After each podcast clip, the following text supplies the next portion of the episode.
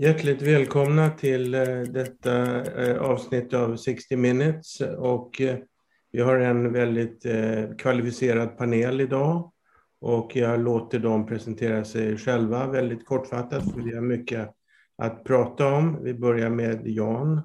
Hej, Jan Lötvall heter jag. Jag är professor i allergisjukdomar i Göteborg. Håller på mycket med translationell forskning, inklusive obstruktiva lungsjukdomar, astma och KOL och sånt. Björn? Ja, hej, Björn Olsson heter jag och är professor i infektionssjukdomar i Uppsala och eh, håller på med forskning om eh, zoonotiska sjukdomar, sådana som sprids från djur till människa. Och i annat fall så tittar jag på fåglar. Tack. Och Emil? Eh, Emil Bergholtz, professor i teoretisk fysik i Stockholm. Håller naturligtvis med, på med helt andra saker i vardags, men under det senaste året så är det Vetco som gäller stor del.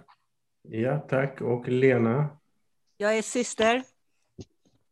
Eh, eh, kvalificerar det för deltagande i panelen? Absolut. Absolut, det är det som kallas nepotism. nepotism. Okay. Och jag är Stefan Einhorn, jag är professor i molekylär onkologi vid Karolinska institutet. Ordförande i Centrum för social hållbarhet på samma enhet. Och jag är överläkare och sköter patienter med cancer. Och sen skriver jag böcker och eh, är med i Vettkov. Ja, och temat för dagen är följande. Nu har den här pandemin pågått sedan början av eh, 2020. Eh, det vill säga snart, jag vet inte när man ska dra gränsen, men ett och ett halvt år. Och vi börjar bli lite slitna, kan man väl säga. Och nu kommer vaccinerna med en hyfsad fart. Och nu kommer våren, vilket vi har erfarenhet att det drar ner smittspridningen. Och eh, det kommer börja dyka upp behandlingar för eh, sjukdomen. Och min fråga är, eh, börjar vi närma oss slutet på den här pandemin eller är det här bara uppvärmning? Och då ställer jag frågan och jag vill att eh, varje medlem i panelen svarar på frågan. Eh, och inte alltför långrandigt. Och jag vill samtidigt att de som lyssnar skriver på chatten vad de tycker och vad de tror. Och frågan formulerar jag på följande sätt. Om hela pandemin från början till slut skulle vara tio enheter eller 100 procent. Hur många enheter har vi avverkat hittills?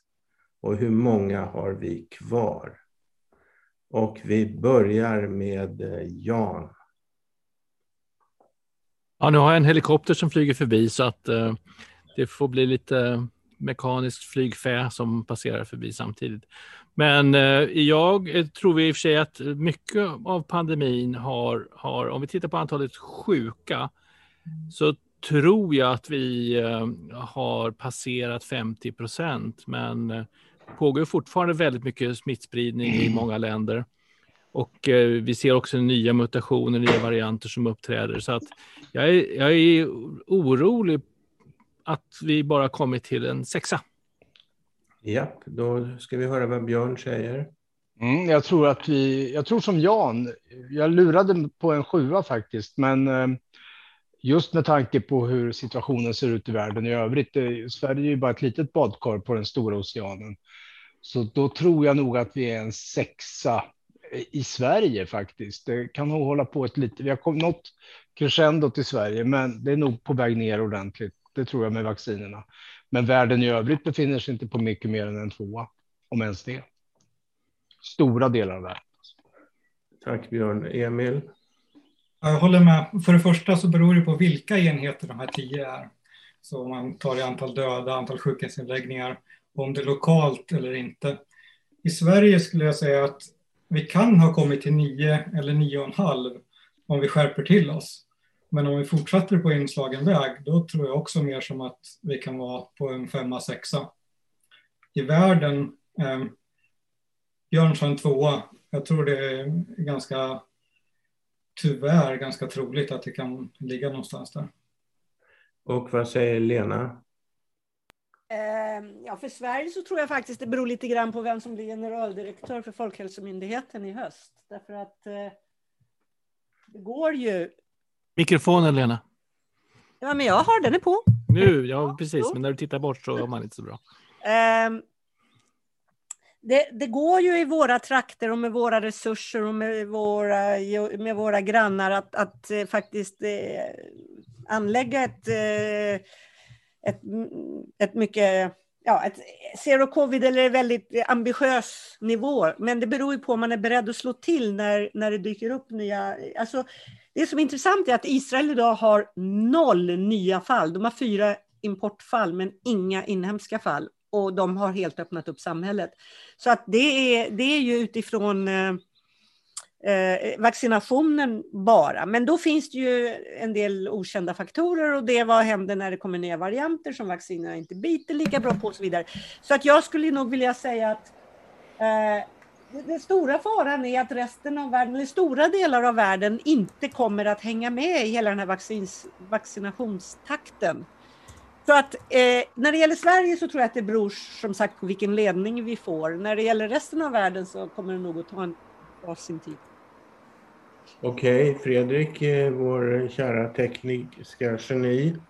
Eh, vad står det på chatten? Vad tror våra medlemmar? Hör ni mig?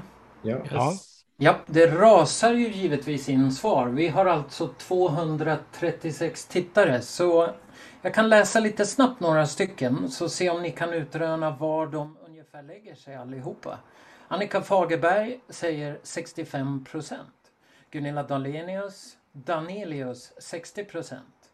Ann-Marie Eriksson 60 enheter avverkat. Peppe Hallgren, han säger 87. Katarina Andevid 30 procent kvar. Siv Rydmark säger avverkat 6 enheter, 4 kvar. Gunilla Eriksson säger 50-50. Och Ann-Marie Skedin svarar avslutande, vi har 40 procent kvar. Det här är ju väldigt intressant att vi ligger väldigt inom ett snävt område. Vi ligger runt 60-65 procent och det finns ett begrepp som heter wisdom of the crowds. Och, och, det går ut på att frågar man tillräckligt många människor så medelvärdet av alla dessa människor visar sig ofta komma väldigt nära sanningen. Det, man, gjorde, man brukar bland annat hänvisa till en eh, en tävling där man skulle gissa vikten på en kossa. Eh, och det visade sig att när man slog ihop alla gissningar som folk på, på det här torget hade klämt iväg så var man bara 15 eh, gram ifrån kossans riktiga vikt. Så att det är möjligt att om vi tänker i samma banor att vi ligger på 65 procent av, vi har en tredjedel kvar. Emil?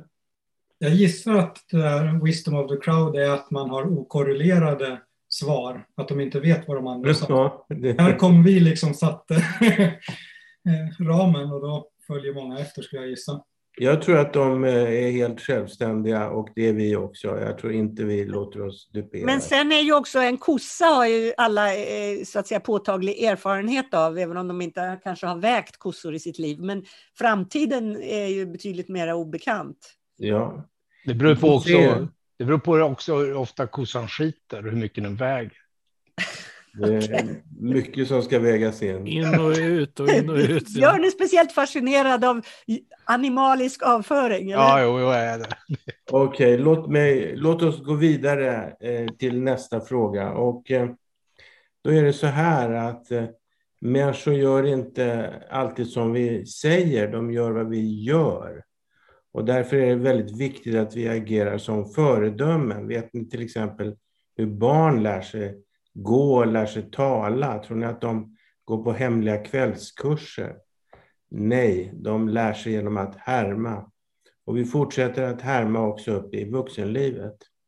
Och nu vill jag göra en liten övning med er och med de som sitter hemma framför datorerna och jag vill att alla gör som jag säger. Att alla gör som jag säger. Och då börjar ni med att sätta ner fötterna i marken. Och sen eh, åker ni upp och ner med fötterna lite grann för att värma upp. Sådär. Sjunk ner så hälarna når golvet. Lyft högerhanden i luften. Oj, där är högerhanden. Titta på mig allihopa och så formar ni en ring av tummen och pekfingret. Och så för ni ner handen så här och sätter den på hakan. Och så tittar ni på varandra och ställer sig frågan, är verkligen våra anatomiska kunskaper så ruttna att vi inte vet var hakan sitter? Där satt den. Och det slår aldrig fel.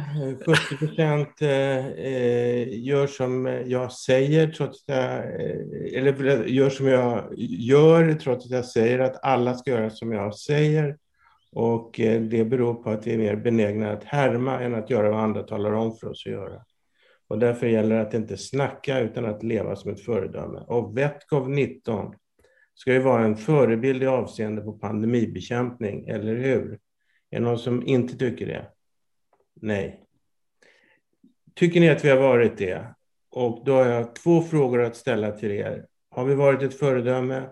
Och då är min, min fråga, vilka, vilket eller vilka beslut ångrar ni mest i avseende på pandemin? Som Vetkov har tagit eller som ni har tagit? Det är en laddad fråga. Och eh, den eh, som är mest mogen att svara börjar. Jag tror Emil är beredd att svara. Okej. Ehm, okay. Um, det jag ångrar är kanske att jag inte gick ut hårdare tidigare.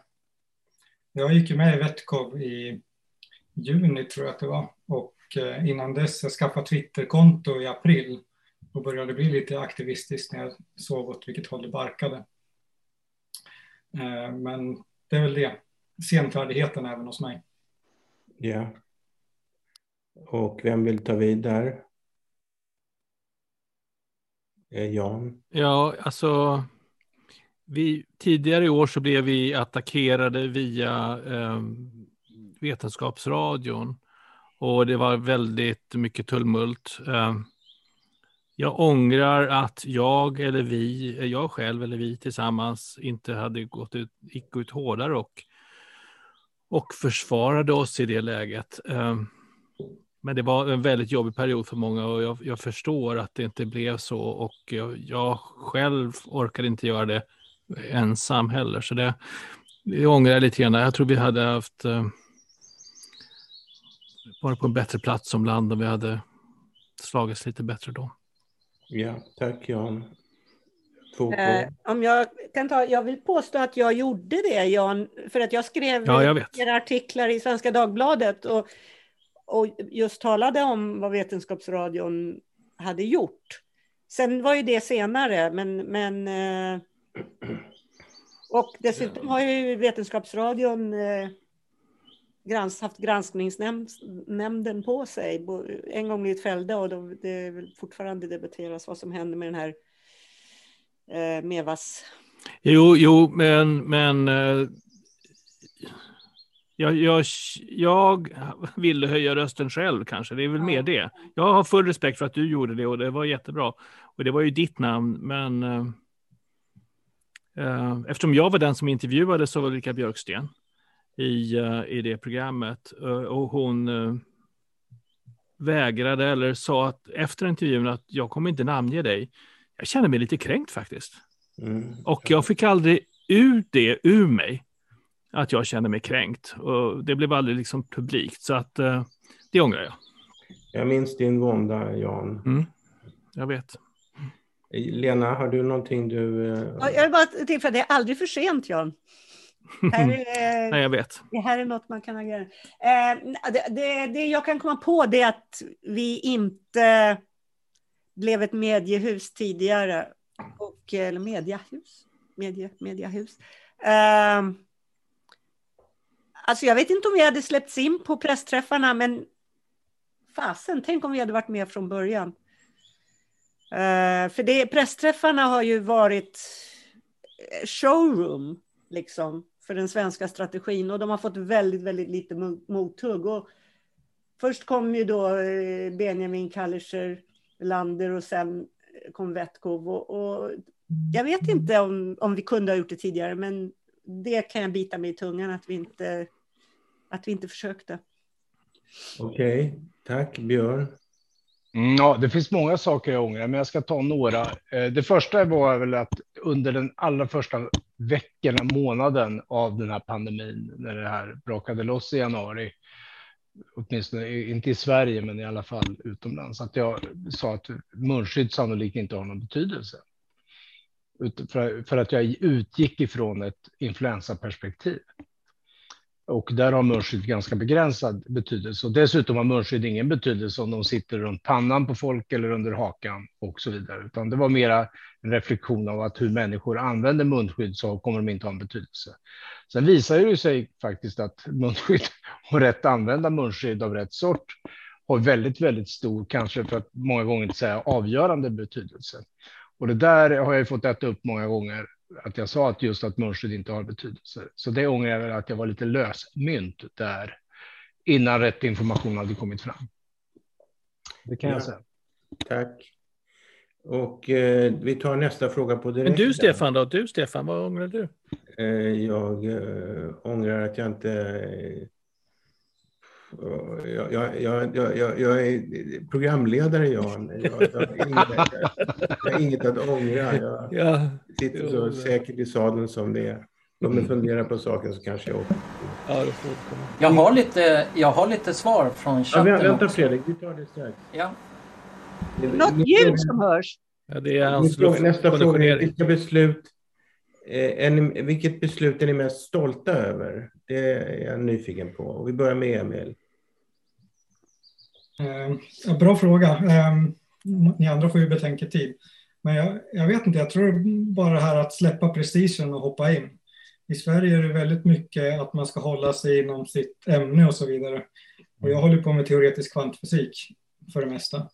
Och då prata om saker som folk säger är medicin. Det är avskytt i Sverige. Men jag tänkte igenom ganska noga vad är rimligt här och det kan inte vara rimligt det som Folkhälsomyndigheten och regeringen säger. Jag måste göra vad jag kan oavsett vad. Det får jag, jag får ta den skiten själv, bara jag mm. gör. Så det är jag nöjd med att jag gjorde till slut. Du är väldigt modig på Twitter tycker jag, Emil. Du vågar stå upp och för dina åsikter och teckna ner dem med, med, med eh, emfas. Det imponerar verkligen. Då ska vi se, då är det Jan va? Jag vill också säga det att eh, Emil är faktiskt en av de som är allra mest påläst av hela gruppen så att eh, vill man ha någon specifik information eller råd så kan man med fördel fråga eh, Emil. Jag är stolt över ett, en artikel vi skrev den 26 Eh, mars som jag skissade på Bosse Lundbäck och jag författade till slutändan och publicerade i Expressen som fick absolut inget gehör alls. Där vi i princip beskrev zero covid. 26 mars 2020 beskrev vi zero covid, hur vi kan stoppa smittan till maj. Och sen är jag också eh, stolt över att jag hängde med på artikeln den 14 april, den 22-artikeln och eh, glad för det och jag känner en ära för det. Jag, jag, precis efter så var jag inte säker på att jag hade tagit rätt beslut.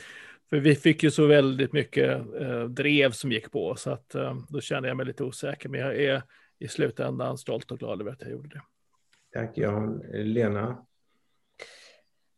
Jag vet inte om man kan uttrycka ordet stolt. Jag känner inte att jag har haft något val, så att jag vet inte om jag kan... Men jag kan säga så här att, att vad jag är väldigt glad över är att den här gruppen har formats och att vi, vi har hittat varandra och att vi håller ihop och att vi... Fasen har ju aldrig träffats in real life. Och, och, och att, alltså det, finns ju organis det som är så otroligt med den här gruppen är ju att folk har olika talanger och det finns liksom sådana verkliga föreningsmänniskor här, organisatörer som gör långt ifrån er och som har lyckats få ihop det på ett sätt som är helt otroligt. Och, eh, och det, har, det här stödet har ju gjort att vi, man orkar och, och det, det, känns inte svårt. Så att, eh, men det kanske inte är stolthet, men det är glädje i alla fall. Tack, Björn. Ja, jag, jag, är, jag är inte stolt kan jag säga, men jag är glad över att jag följde min inre ingivelse i januari och sa att och påstod då på väldigt lösa grunder men ändå med någon slags eh, ska säga, vetenskap i ryggen att det här kommer att bli en pandemi. Mm. Det, det, tror jag det är väl det som jag är mest stolt över, om jag ska vara stolt över något. Sen också att eh, Sen är jag också väldigt stolt medförfattare till artikeln i april. Och eh, som vi har fått så mycket skit för. Men den, eh, det kommer jag aldrig någonsin vika med en tum på. För oavsett vad journalisterna ute efter och frågar om inte tonen var hård. Våran ton var väldigt hövlig. Mm. Jag kommer ihåg att du sa i ditt sommarprogram med Björn att du är en stolt medlem i, av de 22 forskarna. Mm, det är jag. Det värmde. Bra. Eh, nu ska vi höra, vad, vad, står det i chatten Fredrik om eh, vad vi ska vara stolta och ångra? Ja, herregud, det står hur mycket som helst. Eh, 285 tittare. Jag, jag plockar ut några godbitar och ber om ursäkt till alla som har skrivit jättefina saker som jag inte hinner med. Eh, vi tar då först eh, första frågan. Eh, här har vi några reaktioner. Pia Håland Anveden skriver Ja, ni har verkligen varit en förebild. Sina Söderberg skriver Er artikel i början på pandemin gav mig hopp. Mikael Berggren skriver Jan Lötvall var ett väldigt bra föredöme när han ställde upp i Sverige möts med munskydd på. Sen skriver Elsbritt Söderström Jag håller med dig Jan Lötvall, ni skulle varit tuffare. Sen, Stefan, skriver Pia Krassman. Hej! Stefan, dig har jag träffat på Norrtälje lasarett i ett akutärende för över 40 år sedan. Tack för ditt humana och varma bemötande. Jag har inte kunnat tacka dig tidigare. Jag har inte vaccinerat mig än. Får se hur det blir. Sist skriver Charlotte Regen Störiko. Ni måste alla ladda om i sommar, för jag tror att det kommer en stark våg i höst. Då måste det till tidiga restriktioner. Där måste ni som specialister riktigt bli lyssnade på. Sen kommer några kommentarer som kom in på andra frågeställningen. Elisabeth Wall säger att ångra och ändra sig är ett tecken på att man reflekterar över sina egna handlingar. Marianne Riltoft skriver Björn, det är en styrka att kunna ändra åsikt när ny information framkommer. Något som vissa inom FHM borde lära sig. Och så Jörgen Mattsson säger till oss allihopa, det heter faktiskt andningsskydd, inte munskydd. Mm, bra. Tack Fredrik och vi går vidare. Och eh, det är viktigt att eh, man, eh, så att säga, vi, vi, har väldigt mycket att hålla, många bollar att hålla i luften och eh, då gäller det också att prioritera på ett bra sätt. Och nu rör vi oss lite framåt i tiden. Och, men innan jag ställer frågan eh, vad vi ska prioritera, Vetskov, så tänkte jag värma upp med en annan prioriteringsfråga som lyder så här. Och tittarna får gärna, eh, eller lyssnarna får gärna eh, också hänga på. Eh, föreställ dig att du kommer åkande i din bil en stormig natt och passerar en busshållplats i ödemarken där tre människor väntar på bussen. Det är en gammal kvinna som ser ut att vara svårt sjuk. Det är en gammal vän som tidigare räddat ditt liv. Och så är det den partner som du alltid har drömt om. Du kör din Lamborghini ikväll. Du har bara plats för en i bilen. Och vem tar du med? Nu får ni tio sekunder att fundera över om ni tar med den gamla sjuka kvinnan, den gamla vännen som tidigare räddat ditt liv eller den partner som du alltid har drömt om. Och jag vill ha snabba svar nu. Lamborghini, är den fram, är den, eh, har den motorn fram eller bak? Eh, en, det är mitt motor, den sitter bakom nacken på dig. Aha. Vad föreslår du Björn? Jag föreslår att man river bort framluckan och stoppar in allihopa. Fast det fick jag inte svara egentligen. Det, var det, det kostar en miljon ungefär. Svara ja, men, ja, jag skulle nog svara. Jag skulle offra den millen för att stoppa in allihopa. Okej, okay, vad säger Jan? Ja, jag skulle... man kan sitta två i knä på varandra i framsätet. Och så kan eh, någon annan få sitta i, i, och köra bilen så kan jag sätta på mig en varm tröja och ställa mig utanför. Det är bra, man ska alltid försöka hitta kreativa lösningar. Jag tycker ni har misslyckats hittills, men ni har försökt vara kreativa. Emil, vad säger du? Ja, jag skulle också försökt eh, undersöka randvillkoren. Är det verkligen ett val en av tre? Eller finns det något sätt att det, att det inte blir just ett val en av tre? Okej, Lena, jag vet inte om du har hört den här Nej, förut. sy- syrran kan svaret, så jag står Ja, så vi skippar dig. Vad säger vår publik, Fredrik? Fredrik? Jag är här, jag är här. Jag ska bara stänga av min AC som väsnas så mycket här. Hör ni mig? Ja. Ja. Ja, vi får ju in massor med svar här. Pia Holland säger gammal sjuk kvinna. Solveig säger vännen. Ann Persson säger den gamle vännen. Eh, Ann-Marie Sjödin säger den som är sjuk. Kerstin Mentile säger den sjuka kvinnan med ett hjärta med inklistrat. Tack så mycket. Vi stannar där. Men då är det ingen som har kommit med förslaget att du ger bilnycklarna till vännen som kör den gamla damen till sjukhuset medan du stannar kvar med din drömpartner. E- Emil, det var väl en kreativ lösning? Det var en Det är det bästa. Ja, man riktigt hör hur bröllopsklockorna ringer. Oh. Okej, det var lite uppvärmning. Då är min nästa fråga. Vad är viktigast för pandemibekämpningen och Vetcov nu? När vi har kommit två tredjedelar in i pandemin. Vad ska prioriteras för framtiden? Varsågoda. Av oss eller, eller av eh, landet, eller vadå? V- Vad ska vi prioritera och vad ska... Ja, du får gärna svara på vad landet ska prioritera också. Alltså jag bara, eh, när det gäller oss så bara hoppas jag att vi fortsätter orka. Det, jag, jag tror hela tiden att ja, nu är vårt arbete gjort, men det är ju aldrig det. Ehm, så vi får ju se. Som sagt, det kan ju bli avgörande vad som händer med Folkhälsomyndigheten till hösten. Om de börjar bete sig annorlunda så kanske vi inte behövs. Jag vet inte. Mm. Ja, varsågod, ordet är fritt. Ja, ja, ja, jag tycker vi ska fortsätta på den väg vi har gått och om vi en tumme i, nag, i ögat på, vad säger man, nagel i ögat, tumme i ögat på, på myndigheterna så, så är det något positivt. Det kanske alltid behövs eh, folk som är som eh, granskar eh, myndigheterna och, och, och nu börjar väl journalisterna bli lite bättre på det. Men vi har lite mer på fötterna än, än många journalister.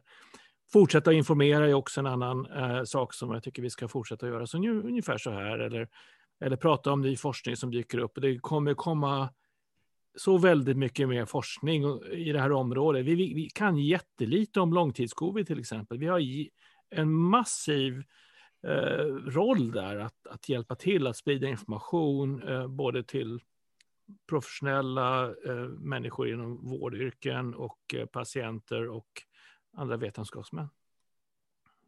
Mm, Ja, varsågoda. Jag, jag tror att man måste fokusera på grunderna. Att förra sommaren så var det många som trodde att vi hade flockimmunitet på något magiskt sätt trots att vi hade ungefär 7% med antikroppar. Om man räknar lite grann på det, så eh, nu med de nya mutationerna, så vi har som tur var väldigt bra vacciner. Men som planen är nu så kommer vi inte ligga mer än på ungefär två tredjedelar av vaccinationskraft så att säga. Dock har vi en ny indisk variant som är nästan tre gånger så smittsam. Det betyder att det är lika mycket krut eh, som det var förra våren. Däremot så, så vet vi och förstår väldigt mycket mer nu. Och vi vet hur man ska kunna eh, stoppa det här. Och vi vet vart smittan kommer att ske huvudsakligen. Det kommer huvudsakligen vara i skolan, där är största delen ovaccinerade. Eh, och vi vet vad som man måste göra. Det är munskydd, det är, eller an, an, andningsskydd som en del är väldigt noga med. och ventilering och så vidare. Vi vill ju verkligen att skolorna ska kunna vara öppna på ett tryggt sätt.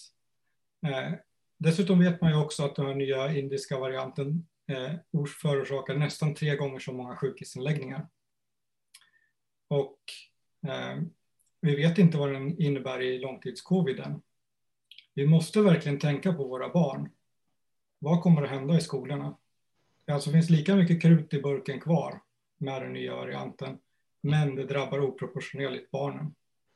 Jag har en fråga, Emil. Det här med tre gånger så många eh, sjukhusvistelser. Tal, talar du i relation till antalet smittade eller talar du totalt i relation till? Nej, utan det, utan det är hur stor är sannolikheten att en given smittad person i en given ålder blir sjukhusinlagd. Och då var de nya brittiska siffrorna häromdagen, nu i veckan, eh, sa att det är 2,7 gånger så hög risk att komma in på sjukhus. Däremot bara hittills 1,6 gånger så hög eh, sannolikhet eh, för IVA eller att dö. Men, men det är extremt preliminära siffror. Men det är väldigt tydligt att det är värre sjukdom och mycket mer sprid, eh, spridning. Det som, är, det som är tur är väl att, eh, att Pfizer tar 88 procent. Eh... Exakt. Och, det... och, och, och, då tror jag också att det är viktigt att kommunicera vad 88 procent betyder. Det betyder inte att man har 88 procent sannolikhet att klara sig för evigt om man beter sig hur som helst. Utan det betyder att det blir 88 procent av varje smittfälle eh, försvinner så att säga. Det bidraget till R-talet går ner med 88 procent. Och vad är R-talet? Ska du berätta det? Ja, det är hur många i genomsnitt man smittar efter, eh, av varje person som är infekterad, hur många smittar de i, i genomsnitt. Vad säger ni andra? Vad ska Vetco prioritera? Vad ska världen och Sverige prioritera? Björn kvar. Ja, alltså jag, jag håller med Emil där. Eh, just den här den indiska mutationen, indiska varianten är väldigt bekymmersam och speciellt nu i ett läge där de flesta länderna börjar slå sig för bröstet och säga att nu är det här över. Vi rullar ut vaccin i en rasande takt och därför har vi kontroll på smittan. Vissa länder testar man ju ner det också dessutom med, med framgång. Men vad som kommer hända nu i sommar är antagligen att det kommer resa en hel del människor kors och tvärs över gränserna. Vi vet att Storbritannien är just nu, de har den indiska varianten, den är helt dominerande. Och den har på väldigt, väldigt kort tid blivit den dominerande. Och det innebär ju att folk som reser, som många gånger kanske inte vaccinerade, de är snabbtestade när de åkte, det visade sig att de var negativa. De kan mycket väl plocka upp den och vi kan få en helt ny sits i det här landet eh, fram på höstkanten med en ganska snabb spridning av den indiska varianten. Eh, och vi ska dessutom komma ihåg att det som Emil sa, att jag menar fram på hösten så kanske två tredjedelar är vaccinerade och det är ganska mycket krut kvar i burken som sagt. Alltså en tredjedel kommer inte vara vaccinerade mot det. Så att jag tror att det, det är än mer viktigt att vi inte helt tar sommarlov utan fortsätter att liksom ställa de frågorna till ja, vad händer efter sommaren i det här nya läget som det är nu faktiskt? Där vi inte har gränserna helt stängda, utan det går att ta sig kors och tvärs över gränsen. Ja. Alltså, en, en sak som vi måste tänka på det är att, eh, att alla åldersgrupper som har, vars, som har ett vaccin godkänt ska få mm. det vaccinet. Mm. Äh, det vill säga, det finns ju studier nu som visar att vaccinen är säkra för, för barn ner till 12 års ålder och det är godkänt av VMA eh, ner till 12 års ålder. Och när folk säger, och folk fått för sig eller har hört från myndigheter att vi, ska, vi vaccinerar inte barn här i Sverige. Mm. Uh, för vi vet ingenting. Och, och, då, då, vad vi vet är att barn har väldigt svårt för att hålla social distans. Mm. Uh, de har en väldigt trång arbetsmiljö i sin skola. Uh, jag, jag, är jätteorolig för barnen till, till hösten, Specie, mm. speciellt utifrån det som Emil sa. Vi har en, antagligen en variant som är mer smittsam, uh, som flyger mer i luften och där det finns risk för att barnen drabbas mer. Vi hoppas verkligen inte att det blir så, men, men framför allt att de vaccin som är godkända, när det är godkänt för en viss åldersgrupp så ska vi se det som säkert och måste använda det. Jag, jag har en lite, fråga. Får jag bara säga att det låter lite på er som att barn och skola är kanske där vi ska lägga det mesta krutet. Är det en rätt, riktig tolkning?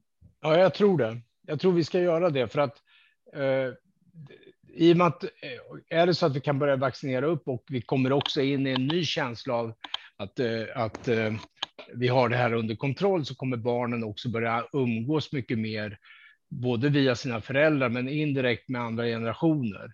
Och då vet vi också för det första att ah, det finns inga vaccin som är hundraprocentiga och en del har inte tagit det. En del har tappat sin, sitt vaccinskydd också. Så det är inte säkert det blir samma raseri i vågen som kommer till hösten, om det, om det nu blir en våg eller en svallvåg, inte vet jag. Men, men det finns mycket stor risk att det, det tar fart igen någon gång i september. Och, och då tror jag skolor, högskolor kommer vara motorerna för det här.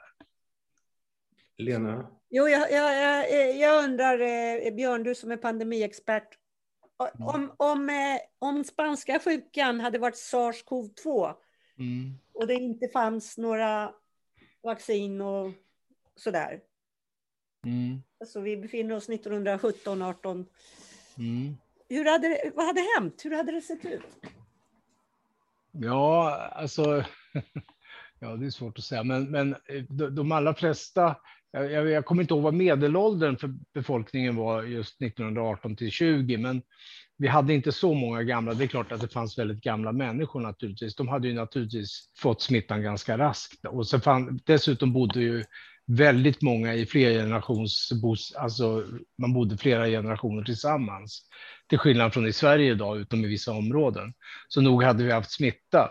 Och den hade säkert rasat på väldigt, väldigt snabbt. Det var trångt. Det var eh, många gånger dåligt hygien, alltså man hade ett sämre näringsstatus. Det är en massa olika sådana här faktorer som väger in. Så att nog tror jag att det hade tagit sin tull, men jag tror inte det hade blivit lika allvarligt som om det hade varit spanska sjukan. Alltså, men när, när hade det gått över, så att säga, utan ah. vaccin? Ja, jo, men ja, nej, men det hade kanske tagit ett par år.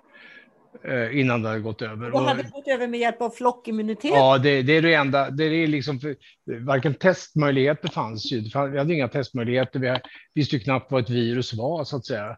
Så att eh, eh, det hade det, det hade fått rasa på tills flockimmuniteten hade trätt in. Och för vissa regioner, i och med att transporterna inte var lika utbyggda, så hade det säkert inte gått lika fort Eh, spridningen kanske inte hade varit lika snabb förutom när den kommer in i vissa tättbefolkade områden. Så vissa byar, vissa regioner kanske hade lämnats nästan helt utan, utan smitta. Och det mönstret såg man i eh, under spanska sjukan, att, att eh, det var det som orsakade den stora vågen 1920 i Norrlands inland. De hade ju inte stött på det under 1918-1919. Eh, sen ska man alltid ha klart för sig det att det finns sociogeografiska eller socio, socio, sociala skillnader har väldigt, väldigt stor betydelse när det gäller utfall i pandemier och det hade det under spanska sjukans tid. Så man hade ett talesätt som sa så här att det var bättre att vara rik amerikan under spanska sjukan än fattig indier.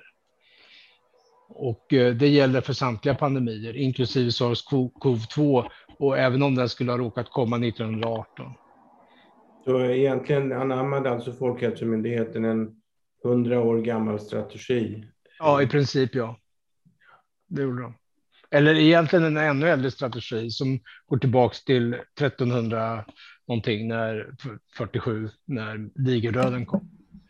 Ja, ska vi höra med Fredrik om vad eh, våra lyssnare säger om prioriteringar?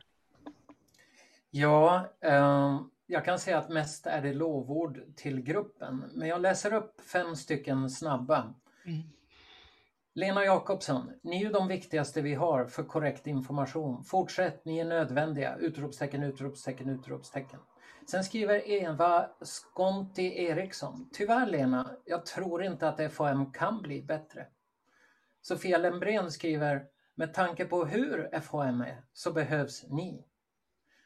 Robert Sandberg skriver, mina idoler har blivit Jan Lötvall, Anders Wahlne, Björn Olsen. Jag har lärt mig så mycket av er. Jag har varit med i varje tidning med åsikter om pandemin sedan mars i fjol. Jag har sagt mina åsikter. Jag har en hjärtsjukdom, men er grupp har gjort mitt liv roligare trots pandemin.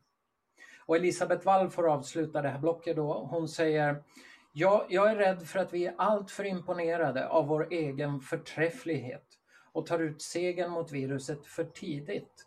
Att få ner smittspridningen till en mycket låg nivå verkar vara den mest lyckade strategin. Men tyvärr tror jag inte det är möjligt i Sverige. Människan måste lära sig vara mycket mer ödmjuk inför naturens uppfinningsrikedom.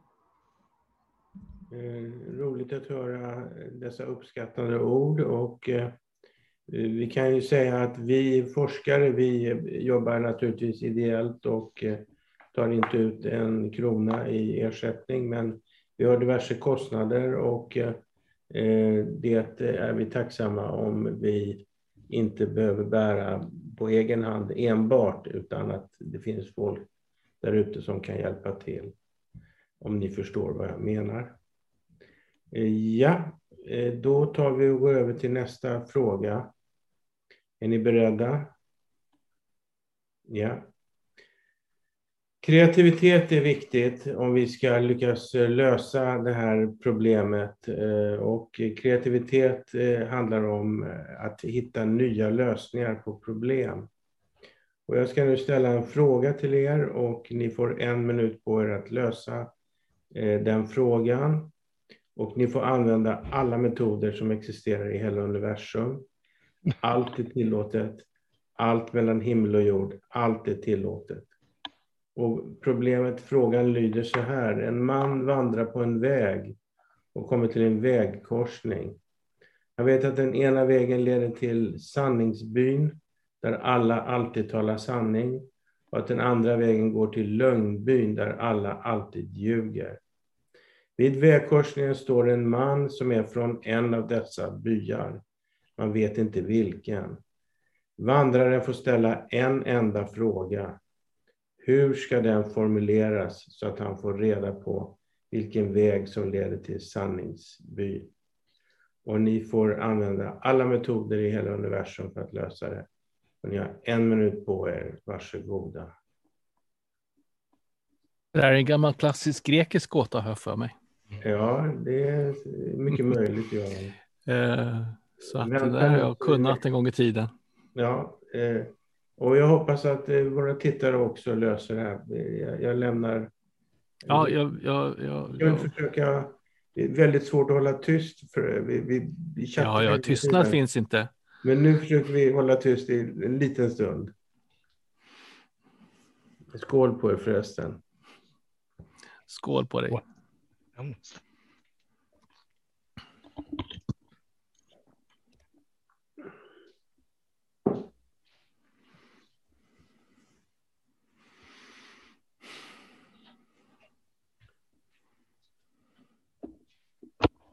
Ja, då var den tiden eh, utrunnen och då undrar jag, har ni löst det här problemet, kära panel?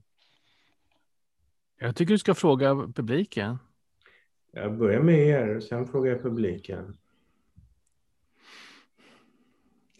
Alltså det, det, finns ju, jag har inte hört det förut, men det finns ju ett sätt att fråga så att man, så man frågar personen, är du, är du den sanningsenliga eller inte? Men, men jag kommer inte på exakt hur frågan ska formuleras. Om, om, om, ja, om ja, det är någonting, om, om du är det så ljuger du då eller någonting sånt här på slutet. Jag, jag, jag, vill, jag kan googla fram det säkert, men jag tror Björn kan det redan. Nej. Emil, Emil kan det garanterat. Emil, han är ju... Ja. Nej, inte Emil. Hur är det Fredrik där ute bland folket? Hur, eh, får du in några bra svar? Jag tror att de funderar fortfarande. Vi ska se. Jag ska gå ner här ska vi se. Om jag säger att du kommer från...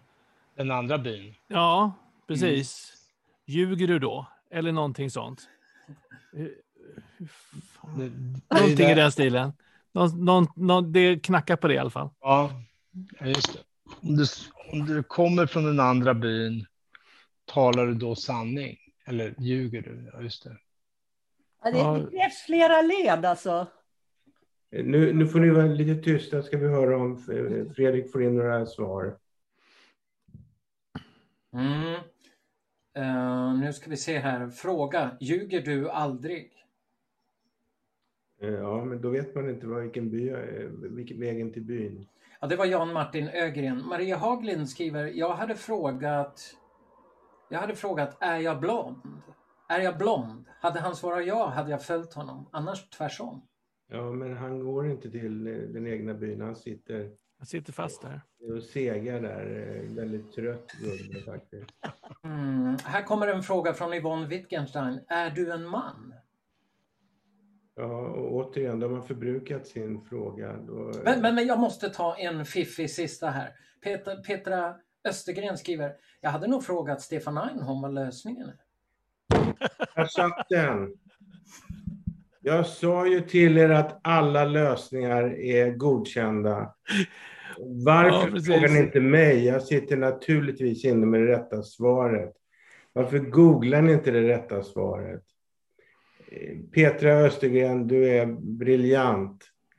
Eh, som säger fråga mig. För att om jag säger att allt är tillåtet så är allt tillåtet. Men de flesta sitter fast i sin lilla glasbur och eh, tänker inte... Men du står ju inte i den där vägkorsningen. Ja, men jag vet ju svaret. Jag Jaha, er svaret nu. Så Rätta svaret är eh, eh, vilken är vägen till din by? Ja. Då svarar sanningssägaren Ja. Den vägen. Lögnaren säger svarar han ljuger den, Den vägen. vägen. Så är det, ja, precis. Det finns andra lösningar som till exempel dubbla negationer. Om jag skulle fråga dig vad som är vägen till, eh, till sanningsbyn, vad skulle du då svara? Då ljuger lögnaren två gånger och då blir det sant och sanningssägaren säger sanningen. Men det jag vill... take home message är, tänk utanför boxen. Om jag säger att allt är tillåtet så är allt tillåtet. Googla svaret, fråga mig efter svaret. En eloge till Petra. Och hur ofta ägnar man en minut av sitt liv åt att vara kreativ? Tyvärr alldeles för sällan. Nu när ni med skammens rodnad blickar mot framtiden så ska jag ställa frågan.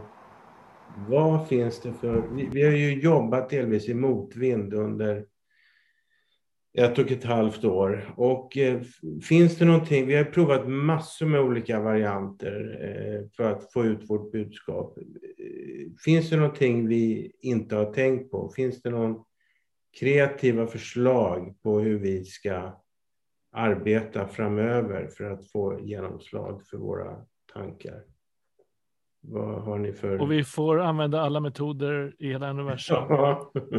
Fråga Stefan Einholm. Fråga Stefan Einholm. Ja, Men det kostar om ni ska få svaret från mig. Ja.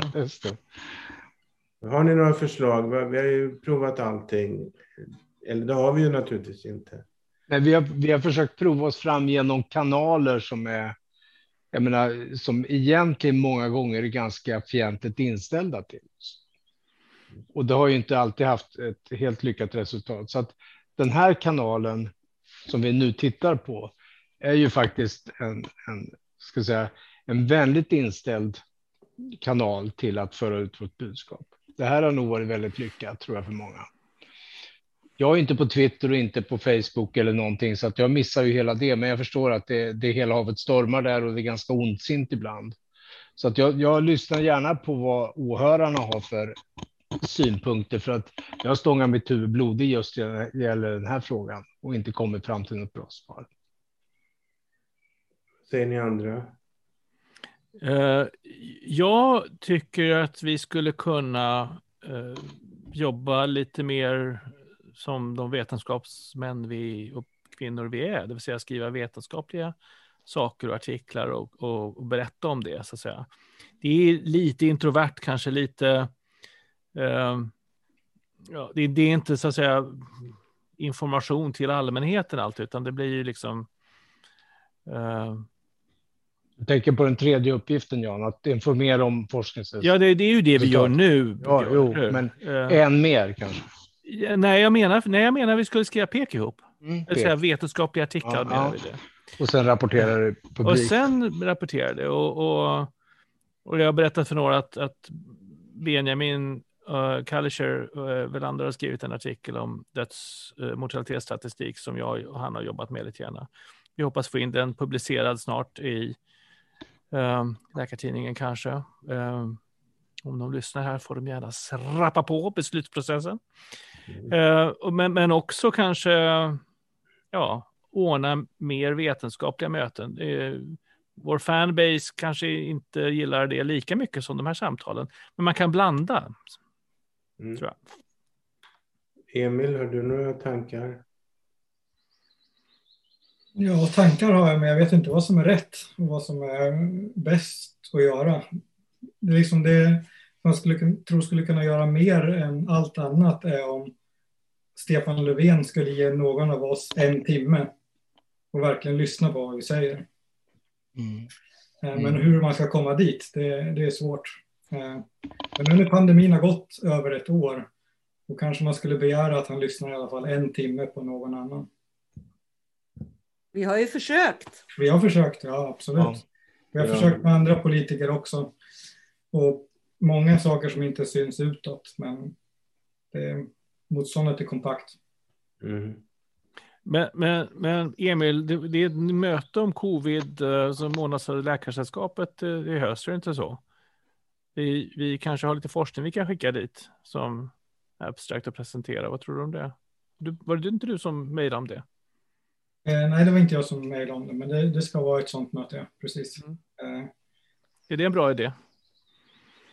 Det, det, låter väl bra, men alltså med forskningen, jag är ju inte läkare. Jag håller på med andra saker. Nej, men du kan räkna som ingen annan. Mm. Eh, Lena, har du något förslag? Nej, men jag bara tänkte Almedalen, eh, tog det, blev det någon avstamp där? Jan? Eh, ja, vi hade ett, ett förberedelsemöte, det är några dagar kvar till att ansöka om det, två dagar tror jag. Mm. Och eh, eh, det måste ju komma eh, entusiastiska personer från oss som är med på det i sådana fall. Och eh, frågan är vilka, om det finns någon här som kan tänka sig. Vi behöver ju en panel i alla fall av några personer som skulle kunna vara med eh, på Almedalen och prata och ha ett seminarium. Men det, det är kanske ett sätt att nå ut till, till en större publik. Ja, jag tycker det är bara, det är bara att anmäla. Sen när, när det närmar sig så plockar man ihop en panel. Det är ju inga problem. Du hör Fredrik, let's do it. Fredrik, har våra lyssnare några briljanta idéer? Eh, massor med idéer. Jag tar några stycken och så kanske det sporrar er till att spontant svara på några av dem efteråt. Camilla Källner Amft undrar, blir ni ofta inbjudna till tv-soffor och debatter? Lotta Lindström säger, fortsätt delta på pressträffarna, tummen upp. Mikael Berggren tycker vi skulle kunna vara ännu mer aktiva på Twitter. Kersti Fridell har ett jättebra förslag. Skriv på mjölkpaketen. Jag vet inte riktigt hur det går till, men det låter spännande i alla fall. Anna Arvsten tycker att vi ska fortsätta med vetenskapliga artiklar. Fredrik Blomé skriver påverka politiker ännu mera. Bra Emil. Sen kommer något som jag tänkte ni skulle hjälpa mig att tolka. Berit Andersson skriver fortsätt att vara pain in the ass. Mm. Betyder det att vi är pain in the ass? Ja, jag vet inte. Är det en bra grej eller vad tror ni? Det blir jobbigare att sitta om man är en pain in the ass. och sitta still. Så att jag menar, vi har väl varit en pain in the ass väl fortfarande. Eh, jag ser gärna på presskonferenserna numera när Vetenskapsforum är med, för de börjar, de börjar vrida på sig väldigt märkligt. Uh, nej, men eh, det där sista är väl inte så dumt att fortsätta vara en pain in the ass. Jag tror också det där med tv-soffor. Det är inte vi som väljer vilka som sitter med i tv-sofforna. Vi får en del inbjudningar, men väldigt sällan numera till, skulle jag säga, till eh, public service-sofforna. Alltså jag, kan ju, jag kan ju svara utifrån min egen erfarenhet. För det första kan jag svara rakt upp och ner när det gäller debatt. Den sista debatten som någon på Folkhälsomyndigheten hade med någon överhuvudtaget kritiker som jag vet. Det var 14 april förra året när Anders Tegnell och jag debatterade Aktuellt. Sen dess har det inte varit någon debatt i, åtminstone i svensk tv. Sen kan jag bara säga att det, det, det är ju väldigt märkligt det här att eh, under hela, säga, ända fram till hösten åtminstone, större delen av förra året, så hade jag förfrågningar minst en gång om dagen från utländska media att vara med i intervjusammanhang. Ofta var det därför att de också intervjuade Anders Tegnell och ville ha en motröst. Eller, men svenska, pandemin, eh, svenska strategin var oerhört intressant. Men jag menar, hur ofta har vi blivit inbjudna till svenska media? Det är oerhört sällan jämfört med hur intresserad utländska media har varit. Mm.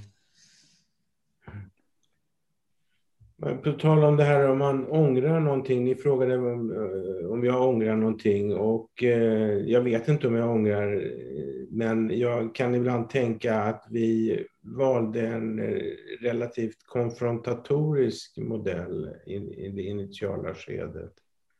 Om vi hade kunnat nå större framgångar om vi hade valt en mer kärleksfull approach. Jag vet inte vad ni tänker, Jan. Får jag svara? Ja, Jan, Vad kör du, Lena? Alltså, jag kan bara säga att det var inte det första vi gjorde, det som hände 14 april, och det var heller inte det första med många undertecknare. Det var ju något, något upprop med 2000 undertecknare som mm. alla var akademiker i någon form. Och vi hade ju nästan alla jag hade skrivit fyra debattartiklar innan den 14 april och det är många här som hade skrivit många debattartiklar och det fick inget genomslag alls. Så jag tror att det faktiskt var det faktum att vi, vi gick lite hårt fram som gjorde att det fick den uppmärksamhet det fick. Ja. Ja, jag, jag tror att uh, användandet av ordet talang som sen uh, fick en felaktig titel på debattartikel eller rubricering. Uh, men användandet av ordet talang var, var framgångsrikt. Det var så det här problemet uppmärksammades. Det var så de, många av de som lyssnar idag eh, upptäckte att det fanns en stark röst som, som tänkte annorlunda än våra myndigheter. Eh, sen fick vi mycket SKIT för det, men, men eh, i, efter, efter, nu på lång sikt så är jag glad att vi använder det ordet. Mm. Ja, vi börjar närma oss slutet på våra 60 minuter och Eh, Eh, vi brukar ju inte prata om eh, eh, så att säga framtiden när man tittar tillbaks på den här pandemin. Men jag, jag tyckte det skulle vara lite kul att som avrundning ställa frågan också till våran kära publik.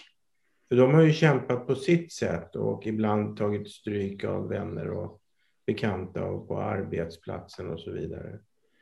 Och när historieböckerna ska skrivas i framtiden hur tror ni att vi och våra eh, medlemmar kommer att eh, betraktas? Det blir en rent spekulativ fråga och det är inte det viktigaste. Men vi kan tillåta oss att fundera ett varv på det. Vi tar eh, var och en. Eh, Jan, vad tror du? Alltså, eh, ett, ett ytterligare skäl till att vi gör de här sakerna och att vi publicerar dem och det finns tillgängliga open access för vem som helst, var som helst på jordklotet. Det är för att, att vi ska, framtiden ska veta att vi fanns och att vi förde fram de här åsikterna och eh, skrev de här debattartiklarna. Eh, viss framgång, vi har, vi har ju haft viss framgång då och det har ju svängt lite grann i attityd kanske från, från myndigheterna vad gäller vissa saker, även om de är tröga eh, rent generellt sett. Men eh, så att eh, men hur kommer framtiden? Jag tror det kommer vara en splittrad framtid. Splittrad åsikt om oss i, även i framtiden. Det är utan tvekan så att makten ser oss som lite ja, otrevliga kritiker. Så att viss kritik kommer vi nog ha. Tack. Eh, Björn? Jag tror att den bästa analysen av vår roll i hela det här spelet kommer skrivas av utländska författare. Mm.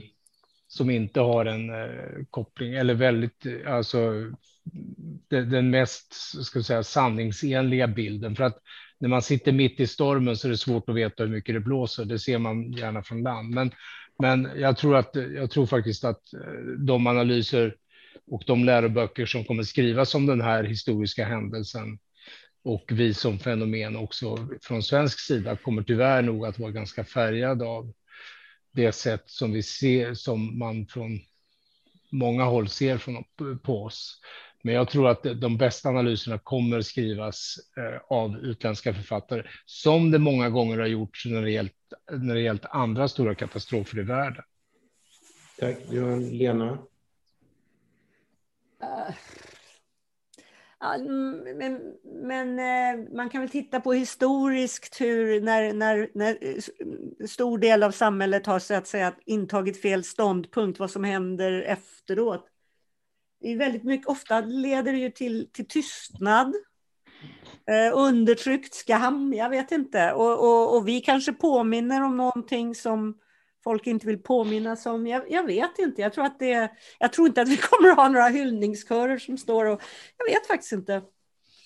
Ja, tack. Och Emil, du får sista ordet i denna fråga. Ja, eh, jag har märkt redan nu är det en enorm skillnad mellan utlandet och inom Sverige och utlänningar så att säga som bor här. Det är en väldigt tydlig skillnad.